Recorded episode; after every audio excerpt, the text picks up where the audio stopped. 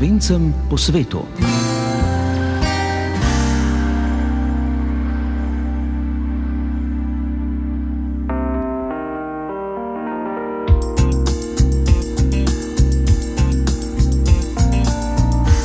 Lepo pozdravljeni, dragi rojaki na vseh koncih sveta in v Sloveniji, v jubilejni oddaji Slovencem po svetu ob 70-letnici naše in vaše oddaje na prvem programu Radia Slovenija.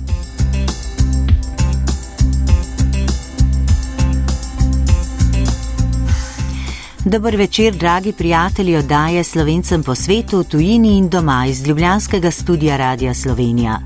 Pozdravil vas je glas napovedovalca Mateja Rusa, ki vas spremlja že nekaj let v uvodnem avizu v našo petkovo oddajo. In let, ne let, desetletji druženja z vami o petkih zvečer se je nateklo obilo. 70 leti se že slišimo z vami na prvem programu Radia Slovenija, dragi rojaki po svetu in doma. Ob petkih zvečer delimo vaše zgodbe iz tujine, spremljamo dogajanje pri vas v slovenskih skupnostih, vas seznanjamo z dogajanjem doma in se družimo ob slovenski glasbi. In nekateri rojaki nas zvesto poslušate že več desetletij, tudi gospod Janez Bizjak iz Švice. 57 let sem zdaj v Švici. In ta oddaja meni pomeni zelo veliko. To se pravi, ne, da vsak teden, ko poslušam to oddajo, me približa en košček Slovenije. Ne morem brez te oddaje, da sem, ne. tako da ta oddaja zelo mi je pri srcu. Čuje že petki so pa že odnegdaj, odnegdaj jih poslušam, ne, niti sam, ampak cela družina. Ne. Če jaz tole poslušam vse skupaj, ne, jaz vidim, ne, kako se po društvih tudi ljudje ukvarjajo, kakšne programe imajo, karkoli, kaj smo naredili v teh letih za Slovenijo, za slovensko dopolnilno šolo, za katoliško misijo, karkoli, ne, tega je zelo veliko. In iz tega vidimo tudi, da ni samo Švica, Ljubljana ali pa Slovenija, ampak to je cela Evropa, celi svet se dobijo razno razne informacije. Also, jaz sem bolj fan za narodno zabavno glasbo, ne. že od nekdaj ne, metala narodna zabavna glasba kot Avsenik pa Mihelič. Škoda ne, je samo to, da je ta oddaja tako prikrajšana. Včasih leta nazaj, ne 30-40 let je bila oddaja veliko daljša, od 8 do 10, zdaj je to malo manj, smo malo skrajšali, ali kljub temu tu se zve vse also, enkratno je. Torej, če se jaz leta nazaj spomnim, ne, to je bila normalni tranzistor, pa to ni imelo takega klanga, ne, zvoka, ne, pač tehnologija še ni bila tako napredna. Ne. Danes, ko imamo tu digitalni radio, televizija, jaz vidim vse programe tu na radiju, pa sploh ni nobenega krščanja. Jaz slovensko, also, Ljubljano poslušam boljše kot pa doma. Leta nazaj je bilo to drugače, a za podnev se sploh Ljubljana ni slišala, ne. zvečer tam od osmih naprej je bilo, ali tu vmes je še zmeraj bilo tisto hriščanje, pa to ne, da si slišal nekaj, pa spet je se prekinilo, pa spet si slišal in se je spet prekinilo. Danes tega vsega ni. Tudi če sem šel, recimo, da smo šli kam z avtom ven, ne, tudi v avtu se je poslušalo, ne, ampak največ pa doma ne. Meni ni nobena oddaja učila, ne, jaz sem rekel, oh, daj pa je petek, zdaj pa moram biti doma, da jaz to poslušam. Tala oddaja veliko slovencem prinese tisti zadovoljni večer, ne, oh, smo pa spet dobili novice iz Slovenije, iz Evrope in iz celega sveta. To je samo na radio za slovence po svetu.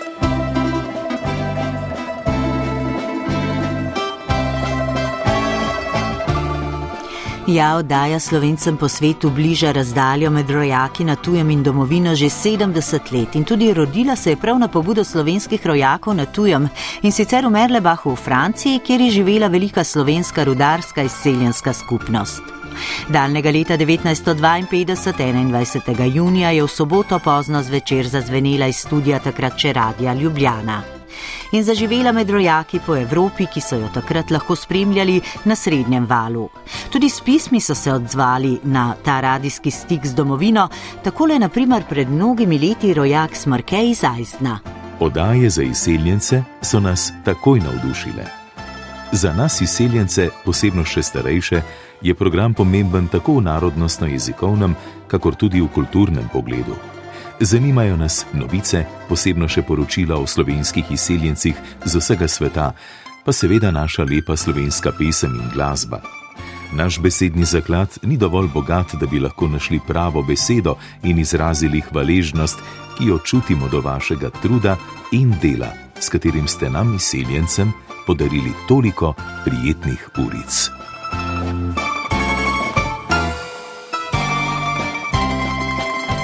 Od samega začetka več kot 30 letja je tedensko oddajo slovencem po svetu urejal in vodil Ernest Petrin leta 1982, ki so jo jubilejno zaznamovali prav med rojaki v Franciji, jo je takole pospremil. 21. junija 1952. leta se je začelo.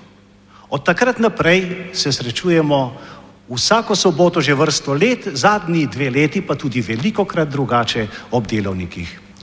No, rekli so takrat prve čase, so bili radijski sprejemniki slabi. Naš oddajnik v Domžalah je bil šibak. Pravijo, da ste morali tu pravzaprav tiščati v šesak sprejemnikov. Vse med vami je veliko živih prič iz tistih časov. Ampak kljub temu ste ustrajali, ustrajali smo mi in kot rečeno, danes slavimo 30 letja tega našega medsebojnega sodelovanja. V tem času je bilo opravljeno res veliko delo.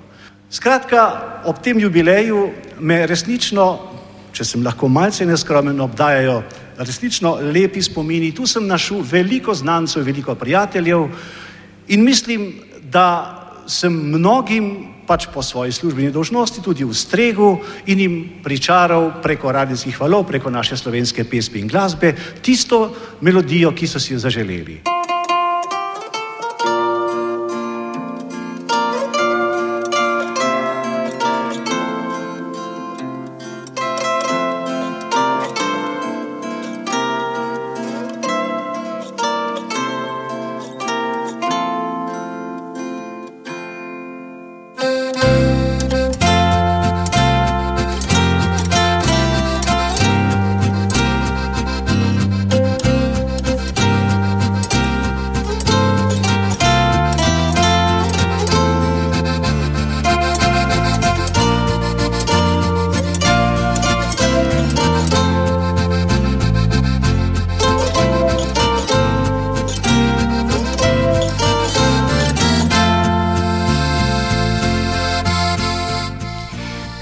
Slovenska glasba je bila vse skozi pomemben del v življenju slovenskih rojakov na tujem.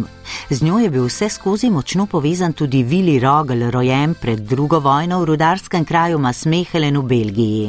Dolgoletni pevovodja pevskega zbora Slomšek, ki ga je ustanovil njegov oče. Oglasil se nam je iz Antwerpna. Starši je iz Slovenije, seveda, ne? oče je iz blizu Trebnjer in mama je pa pri celje. In vaš oče je prišel v bistvu na v delo? Ja, v Belgiji okoli 1935. Je bil rudar premok. Je lete in lete delo, skupno na 20 let pod zemljo bi rekel in je pa dobil silikoze na pljuče in je zelo mlad umrl. Bil je pa zelo povezan z glasbo in je bil tudi ustanovitelj slovenskega pevskega zbora pri vas, ne, v ja, Masmehalenu. Ja, Somšek, ker oče je bil že pred drugo vojno ne, v Belgiji in je tam že v zboru bil, takrat je bil zelo močen zbor. Po vojni je na novo ustanovil, ker med vojni nismo smeli družbati. In eh, oče je pa po vojno je na nov začel pevski zbor in se je imenovalo Zvon takrat pod društvo Svete Barbara. Potem je bilo pa leta 60 moj oče, gospod Krpač in duhovnik Žakl je bil tukaj takrat. On so potem pa ustanovali nov društvo Slomšek in oče je potem pa tudi začel zopet za nov zbor, so ta stari zborniki od Svete Barbara pristopili in tako je raslo to društvo. Takrat eh, leta 60 in tam okoli so bili zelo veliki slovenci v Limburgu in tudi v Šarlorvaj, ki so rudniki bili. Smo bili okoli 30-40 pevci, takrat je pa zelo močen zbor postavil. No, vi ste leta 1957 prevzeli ta zbor. Ja, začetek seveda smo stanovali v Masmehlen, ampak potem za del sem pa moral iti v Antwerpen, je pa čez 100 km oddaljen od Masmehlen. In ja, to je bilo pa vsako teden vaje. Katere pesmi so bile pa tiste, ki ste jih najraje peli in se jih učili? Narodne in domoljubne pesmi. Mi smo eh, naprej delovali na tisto gradivo in note smo zadosti imeli. Ne? In začetek smo kar težke partiture učili se, ampak na koncu smo pa bolj ljudske pesmi in tako. No, vi ste rojeni že v Belgiji in ste lepo ohranili tudi slovenski jezik jezik? Torej, slovenščino smo se učili vsak teden, tako smo imeli slovensko šolo, soboto in smo deklamirali, igrali igre in tako smo se v slovenščino učili. In doma smo slovensko seveda govorili, ne, oče in mati. Kako ste pa te stike s Slovenijo zdrževali? Morda tudi preko radija, oddaj za slovence po svetu, ste jih kaj poslušali? Kakor mladenič nisem poslušal. Ko je Slovenija stojali samostojna, takrat pa največ glasba. Mi govorimo tu v Belgiji staroslovensko, a glasbo to je pa nekaj drugega. Mene je zelo veselilo, če so prišli, rečemo, iz Slovenije, v Masmehlen je prišel lete 58, Ljubljanski oktet. In to je tako, vtis bil na mene, jaz sem bil 16-17 let. Še zmeraj vidim tiste osem možakarji na odr, kako so peli in nekaj čudovit.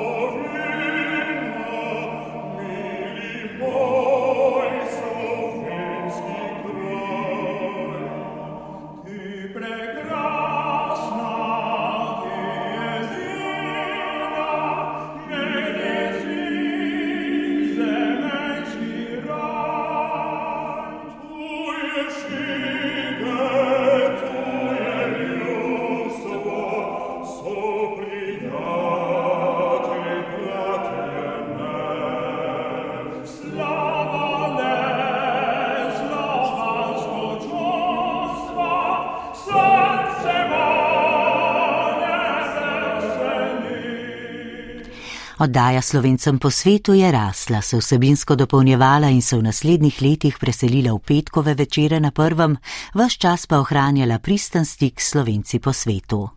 Maca Švabič, ki je bila 17 let novinarka in urednica oddaje Slovencem po svetu, se takole spominja dela in sodelovanja s slovenskimi zdomci in izseljenci ob koncu 80-ih let in vse do začetkov novega tisočletja. To so bila lepa leta, zelo rada sem imela to delo, spoznala sem veliko ljudi, naših slovencev po svetu. Veliko smo obiskovali ta slovenska društva po Evropi, predvsem v Nemčiji, v Švici, v Avstriji. Najbolj se spominjam teh obiskov pri društvih v Študgartu, Frankfurtu, Berlinu, pa potem v Cirihu. To so bila zelo močna društva, veliko članov so imela, tudi pod mladek. Tam so seveda delovale tudi dopolnilne šole slovenskega jezika za otroke teh naših ljudi. Tako da smo veliko poročali o teh eh, društvih in njihovi dejavnosti. V Nemčiji so imeli tudi vsako leto velika srečanja vseh društev, Seveda smo se teh srečanj udeležili tudi mi z radija, tako da mislim, da smo kar precej dobro poročali o tem delu naših rojakov. Čez lužo pa niso mogli slišati teh oddaj. E, tja so pa romala zvočna pisma, ne? kakšno vlogo so imela ta zvočna pisma in kakšne vsebine so bile pravzaprav na teh zvočnih pismih. Ja, v teh zvočnih pismih smo poročali o kakšnih pomembnih političnih dogodkih v Sloveniji, o umetnosti, o kulturi slovenski. To smo jih pripravljali enkrat na mesec z različnimi vsebinami. Oglašali smo se jim pa tudi predvsem slovenskim radijskim postajam v Avstraliji prek telefona, smo pripravljali preglede novic za njih, tako da so bili kar dobro obveščeni o življenju tu pri nas. No in so se tkale te vezi med radijem Slovenijo, med oddaj slovencem po svetu in uh, rojaki na tujem. Kako je bilo pa v času osamosvojitvene vojne s tem radijskim stikom slovenci po svetu? Ja, takrat je bilo predvsej težko, ker seveda smo cele dneve spremljali te dogodke in uh, smo se potem tudi vsak dan javljali predvsem uh, slovenskim oddajam v Avstraliji, tudi v Kanadi prek telefona. Tako da smo cel dan spremljali vse te dogodke, vse, kar se je dogajalo, vse, kar smo lahko zvedali, da so bili tudi vsi naši rojaki v tujini lahko pravočasno obveščeni vsem, kar smo tukaj doživljali. Veliko ste sodelovali z našimi izseljenci tudi na terenu, veliko obiskov v tujini je bilo in tam ste snimali njihove zgodbe, ne? Ja, predvsem njihove zgodbe čisto življenjske zgodbe posameznikov, veliko zanimivih posameznikov sem srečala, potem seveda o dejavnosti društev, o slovenskem pouku eh, dopolnilnem, tako da smo tudi naše poslušalce tukaj v Sloveniji obveščali o tem, kaj se dogaja med rojaki v tujini. Pa zdaj še kdaj prisluhneš, kateri od oddaj slovencem po svetu? Ja, vsekakor zelo rada poslušam te oddaje, zelo so zanimive. Včasih slišim tudi koga, ki ga poznaš iz svoje delovne dobe, tako da ja, rada poslušam.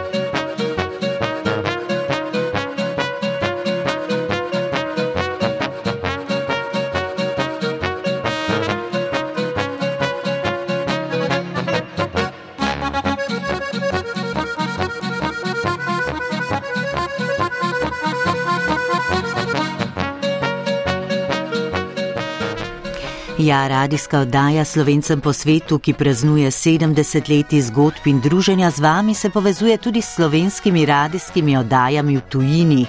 Kako se tkejo te radijske vezi in kakšen pomen imajo za naše rojake? Iz Argentine se nam je oglasil urednik slovenske oddaje Okence v Slovenijo v Buenos Airesu Mirko Vasle. Dober večer. Dobro večer. Že kar nekaj desetletij eh, sodelujem eh, z vami, vi pa z mano, in res to je oboje stransko. Zaradi tega bi rad eh, na prvem mestu čestitev za to okroglo in veliko obletnico 70 let, je pač 70 let, ko obveščate slovence o slovencih po svetu. Mi imamo na Radio Slovenije najlepše spomine. Mi smo jih polovico, zdaj le decembra bomo stari 35 let, ne polovico od vaše obletnice. In ko smo mi praznovali 30. obletnico, nam je uspelo oddajati prav tisto slavnostno oddajo iz Radia Slovenije v Ljubljani. Kar se pa tiče vaše oddaje, to se pravi za slovence po svetu, nekako smo si bili sorodne duše že desetletja in nam ste pri srcu res. No, tudi pri vas je velika slovenska skupnost, vi ste urednik slovenske radijske oddaje Okence Slovenije in hkrati tudi predstavnik slovenske skupnosti v Argentini. Kako gledate pa na položaj slovenske skupnosti v Argentini in na ohranjanje slovenstva pri vas? K temu pripomore tudi kaj radio? Poglejte, mi imamo tukaj en velik problem. Jaz kot novinar, ni res, obveščam našo eh, slovensko skupnost v Argentini vsem, kar se dogaja v slovencem po svetu. Med njimi tudi seveda slovenci, ki živite tam v Sloveniji. Mi tukaj v Argentini imamo zdaj velik problem, ta asimilacija gre svojo pot naprej. Je pa tudi podatek, da od leta 2000 pa do sedaj se je izselilo v Slovenijo 400 oseb slovenskih, ki so znali slovensko, ti so bili na vodilnih eh, položajih. To se pravi, to je zdaj problematično za naše slovence tu v Argentini. Seveda, brez vaše oddaje bi bilo pre, posebno prej, ker ni bila še tehnologija tako razvita kot danes, ste bili ključnega pomena za nas kot radio in za poslušalce. E, zakaj za nas kot radijsko oddajo ste nam posredovali e, novice in ta oseben stik je čist drugačen, res kot pa mail ali pa kaj drugega. Poglejte, radio kot tak je še vedno popularen, tudi tukaj med slovenci v Argentini.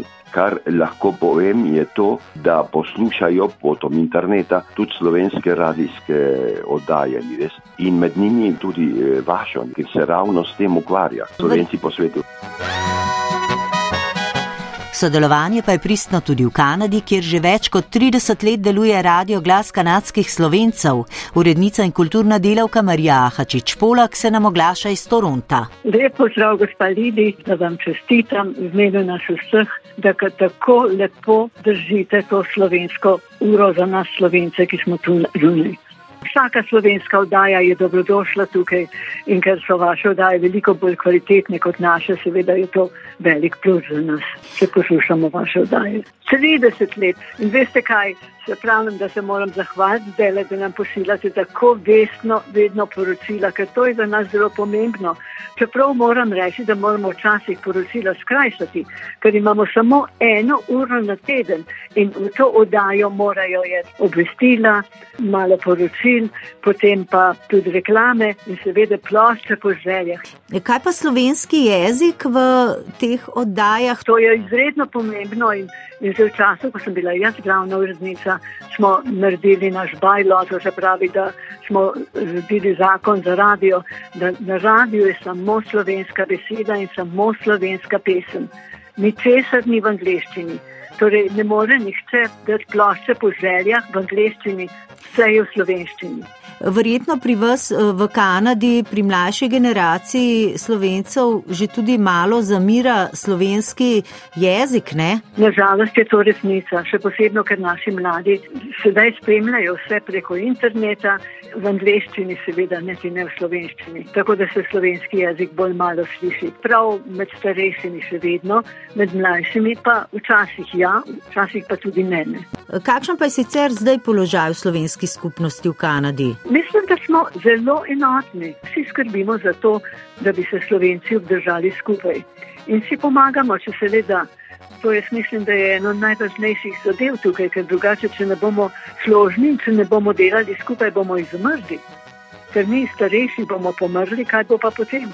Mi moramo graditi na mladi generaciji. Gospa Marija Ahačič Polak, najlepša hvala za tele besede. Lepo se imejte in lep pozdrav v Kanado. Jaz vam tudi želim, da bi vaša oddaja trajala še enkrat daljše kot do zdaj in da bi vse lepo šlo. Lep pozdrav samo v Slovenijo. Kakšen je pomen in radijska vest slovenskim programom na radiju SBS v Avstraliji, pa urednica Tanja Smrdel. Najprej seveda lepo zdrav vašim poslušalcem v Sloveniji. Ja, mi smo bili tesno povezani, smo še tudi ne z te strani Radija Slovenija, tudi na splošno in tudi seveda vaši vdaji slovencem po svetu. Tako da najprej seveda čestitamo za ta jubilej, za to 70. obletnico.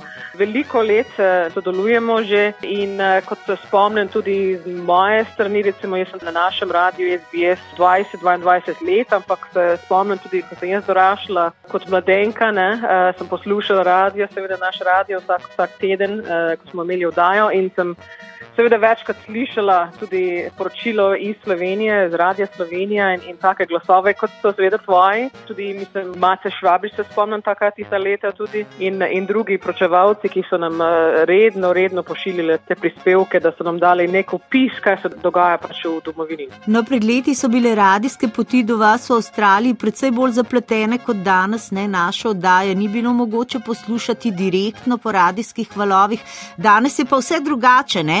Ja, zdaj je tehnika taka, da lahko mi poslušamo vašo oddajo, vi poslušate našo oddajo, vse preko spletne strani, tudi v živo, tudi posnetke, vse, kar se dela, da današnja tehnika. Ja, pred leti, takrat, ko sem jaz začela na radiju delati, smo imeli še te, smo imeli še tele um, aparate, tudi mislim, da smo posneli, smo mogli vas klicati zgodaj zjutraj pri nas, ker mi smo imeli takrat jutranje oddaje, pri vas je to, to bilo večer in smo to posneli na trake in to smo to se, pa sem potem seveda vse predvajali imeli in uh, to, to je spam, to je bila moja prva, prva izkušnja potem takrat uh, klicati, recimo pri nas ob 4-5 zjutraj, da smo to posneli in seveda, če se kje je zmotilo, potem si mogo to rezati, res rezati ta trak in da skupaj in zlepiti. In, uh, in uh, ja, to so bili taki spomini. Tudi moje prihodnike se spomnijo tiste, uh, tiste dni, ki, so, ki ste vi dajali te poročila, posebno takrat ob osamosvajanju, recimo pred 30 leti, takrat, ko se je šlo za res. In,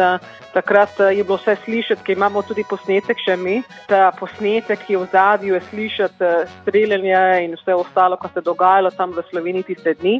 Tako da to je tudi za našo zgodovino, recimo naše vdaje. No, in uh, tudi zvočna pisma so uh, romala do vas, ne? Ja, to smo bili tudi veseli, ko smo dobivali uh, vsak mesec zvočno pismo. Seveda, to je hodilo tiste dni po pošti na kaseti in seveda to je trajalo nekaj tednov, mogoče včasih mesec dni, dokler je prišlo do nas. Uh, tako da potem smo lahko to dobili in potem ne, dobili nekaj prispevkov iz tega tudi na kulturnem polju, kakšne pogovore, kakšne zanimivosti potem za naše poslušalce.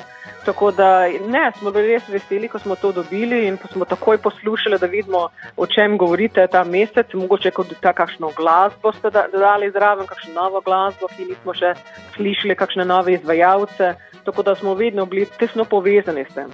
Kaj pa najraje poslušajo slovenci v Avstraliji na radiju? Ja, mislim, naši poslušalci imajo radi, da, da so kakšne uh, zanimive pogovore, recimo s kakšnim. Posebno, če so taki lokalni tukaj, mogoče kakšni starejši, eh, posebno, ki so prišli pred mnogimi leti v Avstraliji, kaj jih je prinesla njihova pot, kako so prišli, zakaj so prišli, eh, kako so si ustvarili življenje in delo in, in družino. Eh, posebno, če so seveda znani, tudi če niso znani, ampak vsak ima svojo posebno zgodbo, tudi na glasbenem področju. Ne, veliko zanima, kaj se pač eh, predvaja dan danes, recimo v Sloveniji, ker je mnogo seveda mladih ansamblov tudi zdaj, uh, tako da slišijo nekaj novega, nekaj, kar mogoče tudi včasih. Če so tisti bolj eh, tehnično eh, izpostavljeni, da lahko gledajo tudi recimo, na, na spletnih straneh, kaj se dogaja v Sloveniji. Mislim, da malo kulture slišijo tudi, Gospa Tanja Smrdel, najlepša hvala za ta prijeten pogovor. Lepo se imejte v deželi tam spodaj, prijetno delo vam želim tudi na radiju in lep pozdrav v Avstralijo.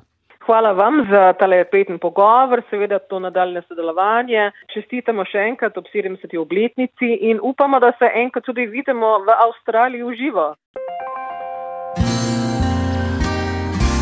Slovencem po svetu že 70 let. Največja slovenska izseljenska skupnost biva v Združenih državah Amerike. Blizu 200 tisoč je slovencev in njihovih potomcev tam, največ jih je v Clevelandu, ki se je včasih imenoval kar Ameriška Ljubljana. Zdaj tam prisotna že peta, šesta generacija slovencev in čeprav jezik že počasi zamira, živi slovenstvo skozi slovensko kulturo, običaje in glasbo. Ameriški slovenec iz Clevelanda Joe Valenčič še vedno imamo tri kulturne centre, narodne domove, štiri letovišča, dve župnijske dvorane in župnije v Clevelandski okolici. Torej, vseh jih zdržujemo našo slovensko identiteto, imamo redne plese, posebno zdaj, ker vsak četrti četrtek v novembru je naš ameriški praznik zahvalni dan, kadar malo premislimo na vse, kar imamo, naj bi bili hvaležni za. in uh, tudi je naš tridnevni festival slovenske ameriške polke, ki je uh, projekt uh, od našega muzeja slovenske ameriške polke v Clevelandu. Glasba nas povezuje, ampak tudi kulinarika, posebno, ker so prazniki, zmeraj mora biti potica, zavitek, krajinske klobase, juhe, golaš, štrukli. Torej, uh, uh, ja, glasba nas povezuje, ampak ne smemo pozabiti tudi na kulinariko in vse te tradicije, ki imamo okoli praznike. Kako pa slovenski jezik pri vas živi, še se kaj sliši? V Chicagu oziroma v Lamontu izven Chicaga in pri obej župni v Clevelandu imamo slovenske sobotne šole in tudi skozi Cleveland State University, naša državna univerza v mestu Clevelandu, pa imamo tečaj za slovenščino po internetu. Dr. Luka Zibelnik iz filozofske fakultete tu vodi že več let in mislim, da ima nekaj čez 200 učencev, tako da je zanimanje še zmeraj za se učiti slovenščino. Moram tudi omeniti genealogijo. Ljudje res se zanimajo za svoje korenine in skoraj vsako leto pride skupina slovensko-ameriških genealogov v Slovenijo, da lahko malo preštudirajo in raziskujejo. Odkud so njihovi predniki? No, Joe Valenčič, vi ste tudi novinar na radijski postaji v Clevelandu. Kako ste pa povezani z radijsko oddajo slovencem po svetu? Vsak teden dobim od uh, vas novice iz Slovenije in uh, tudi kaj pobrskam po internetu in zberem vse te najvažnejše zgodbe in jih malo skrajšam in potem delim novice iz Slovenije v slovenščini in v angliščini. Vem, da naši ljudje po Ameriki, naši slovenci in tudi prijatelji slovencev, radi so na tekočem z vsem, ki se dogaja v Sloveniji. Posebno z internetom se lahko lažje povezuješ, vem, da ljudje tako hranijo stike s svojimi uh, sorodniki. Moram reči, da vsak američan, posebno slovenskega porekla, ki obišče Slovenijo, uh, se takoj zaljubi v našo staro domovino. Čestitam vam v Sloveniji 70 let uh, te oddaje. Slovence po svetu je res en let dosežek in uh, ja, hvala.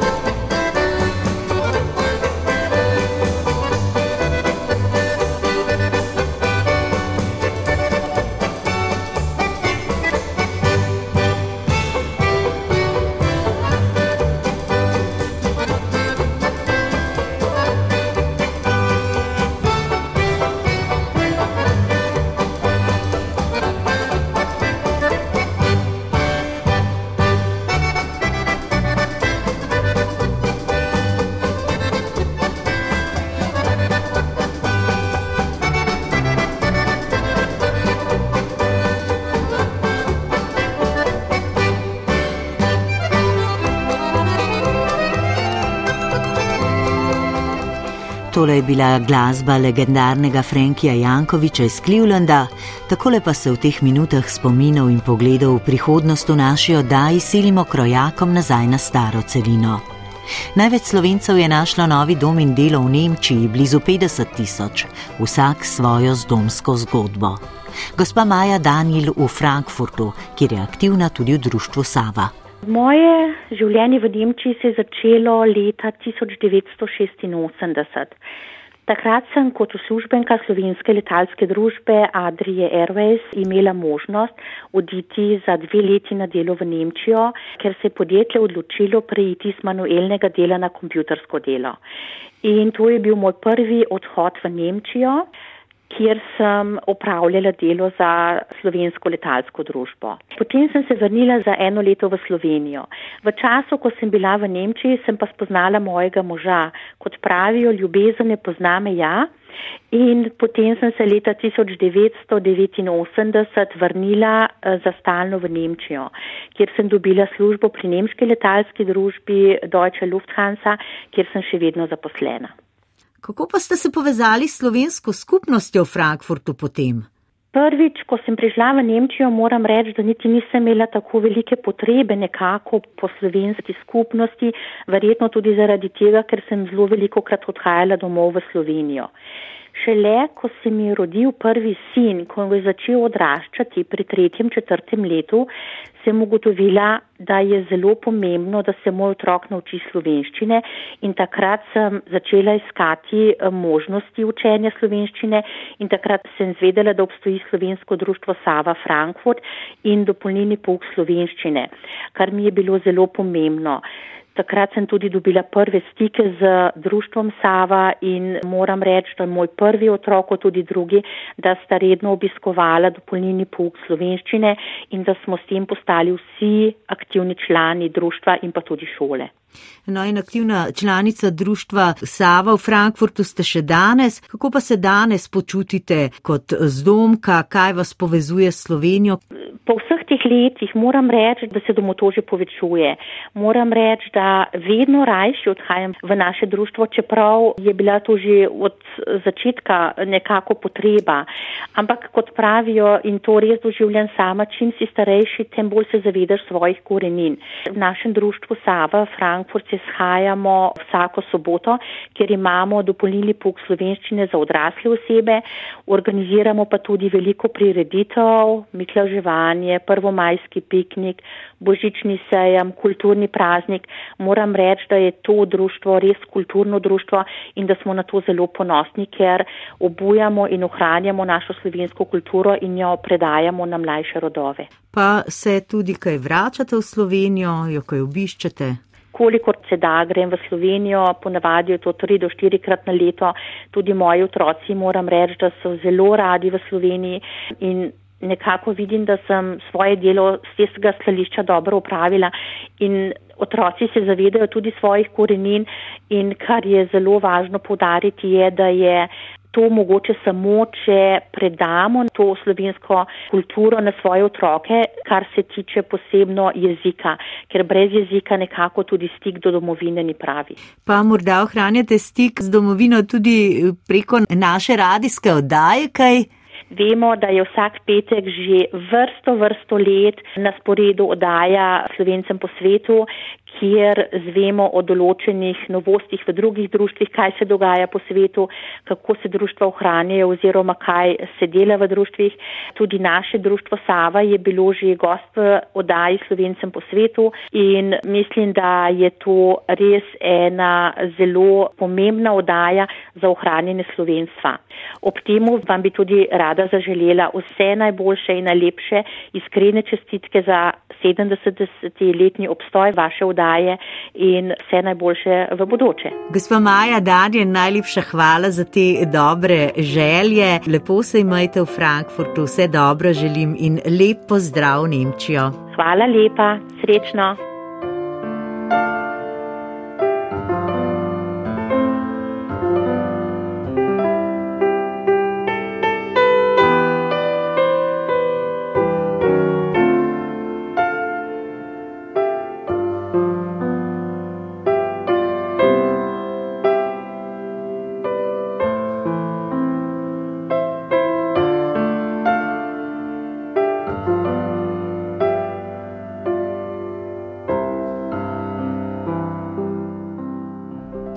Tudi na severu Evrope je delo in dom našlo blizu 7000 slovenskih rojakov, med njimi je tudi Alois Macuh z Švedske. Lepe pozdrave v studiu in seveda vsem, ki se slišimo. Zelo uspešno smo prišli v tek po tej koronavirusu, po tej pandemiji.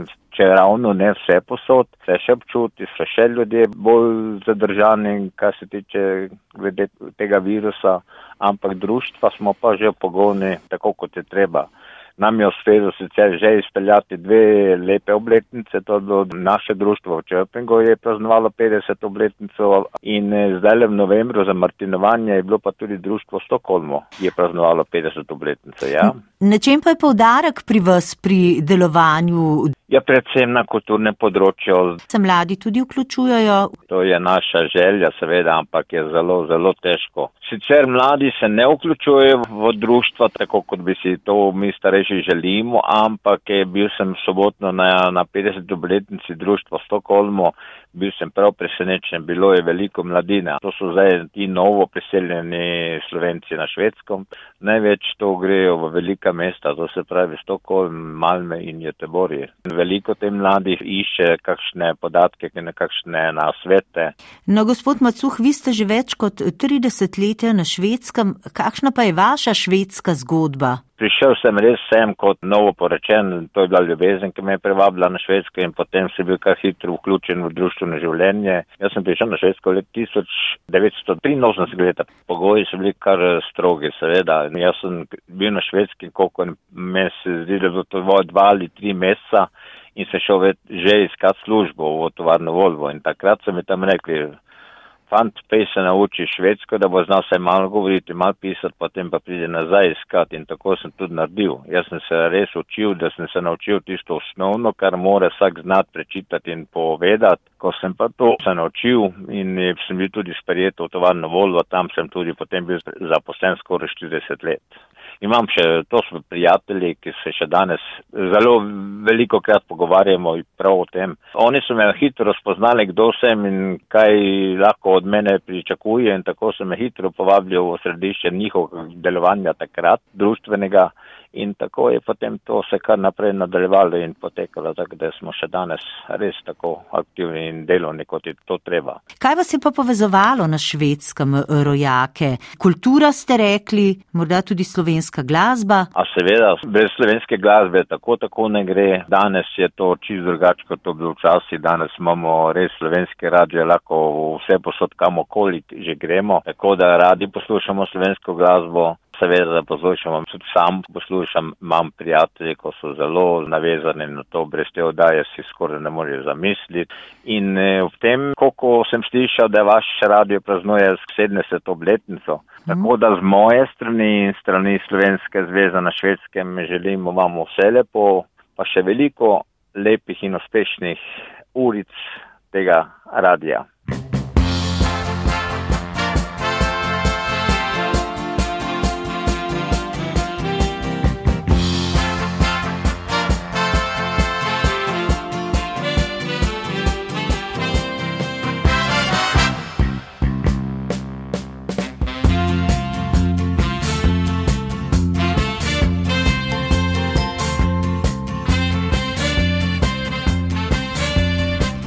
Veliko slovencev pa biva tudi na območju nekdanje Jugoslavije, tam imajo svoja društva, ohranjajo slovensko kulturo in si prizadevajo za ohranitev slovenskega jezika.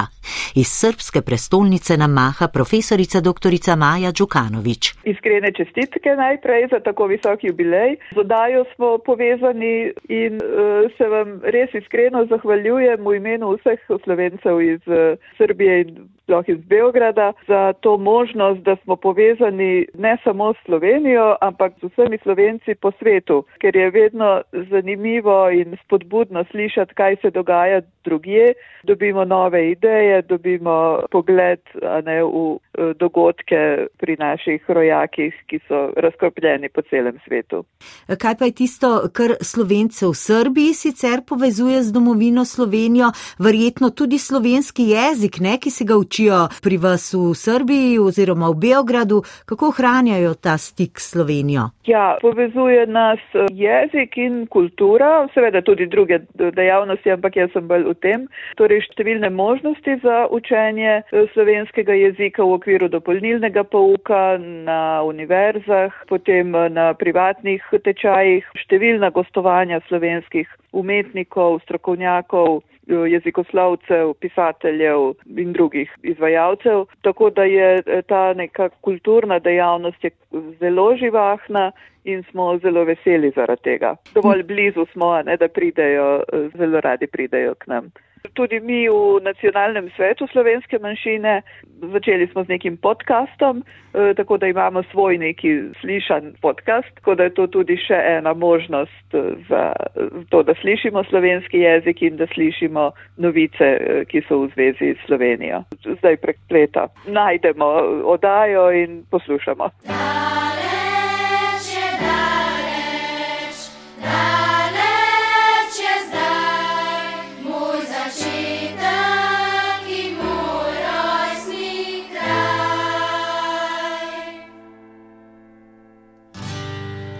slika že rumeni.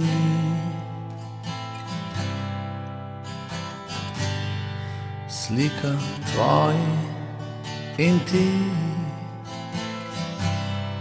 če vočki na gvant, gibanica diši, pa tvoja mama, tako lepa, tako šlank.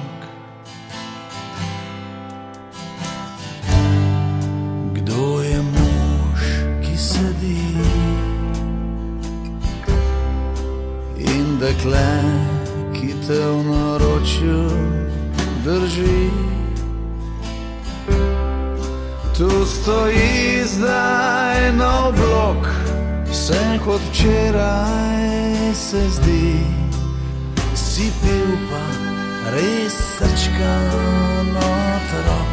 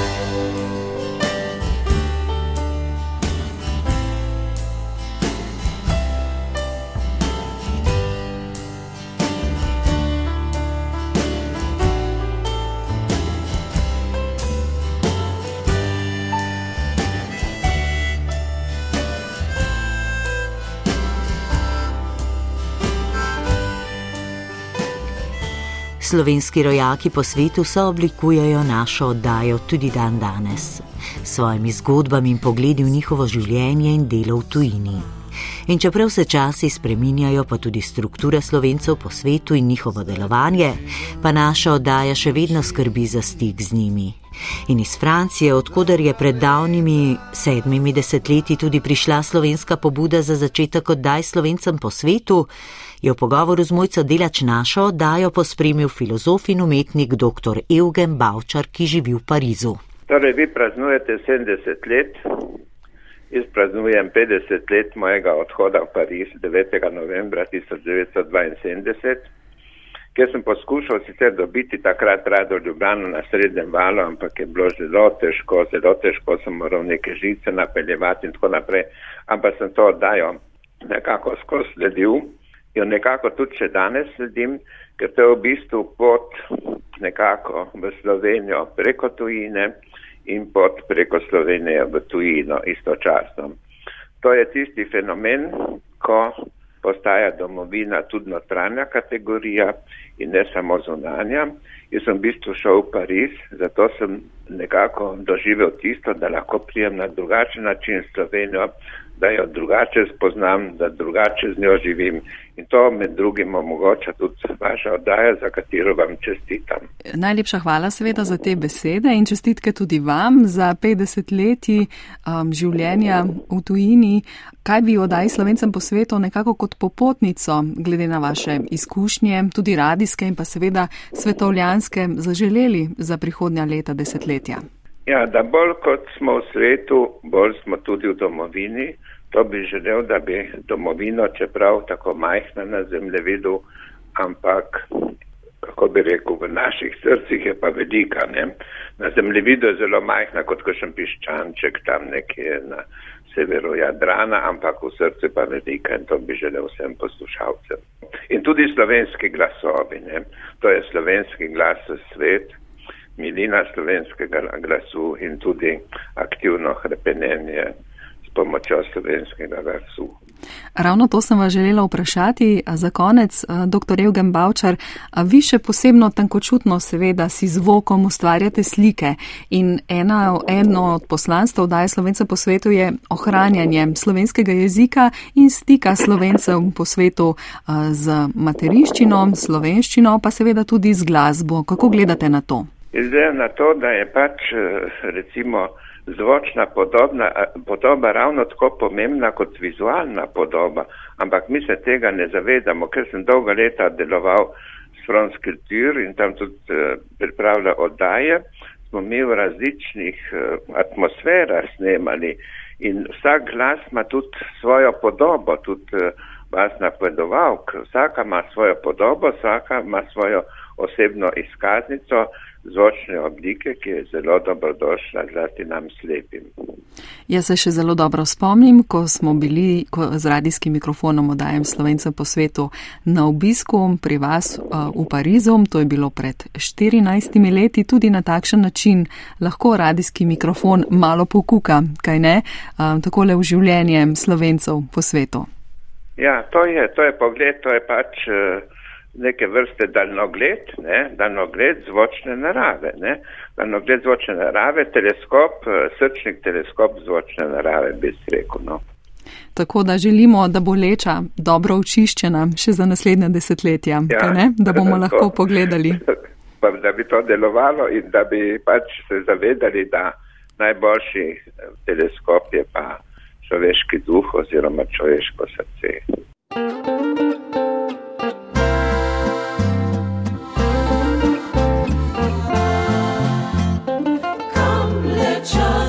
she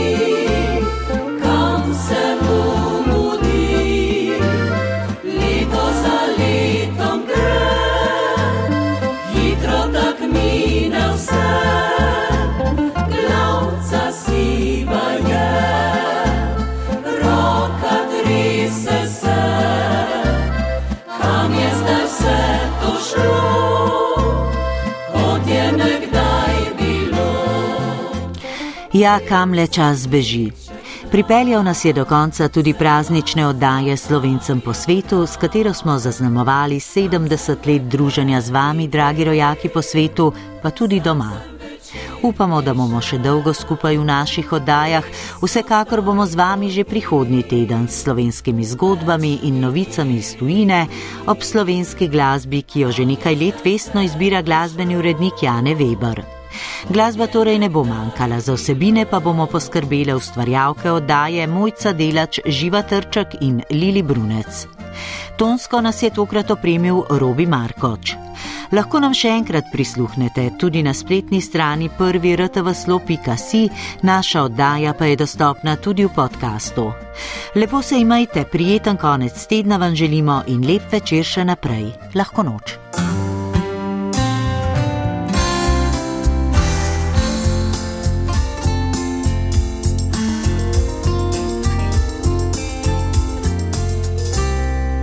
Slovencem po svetu.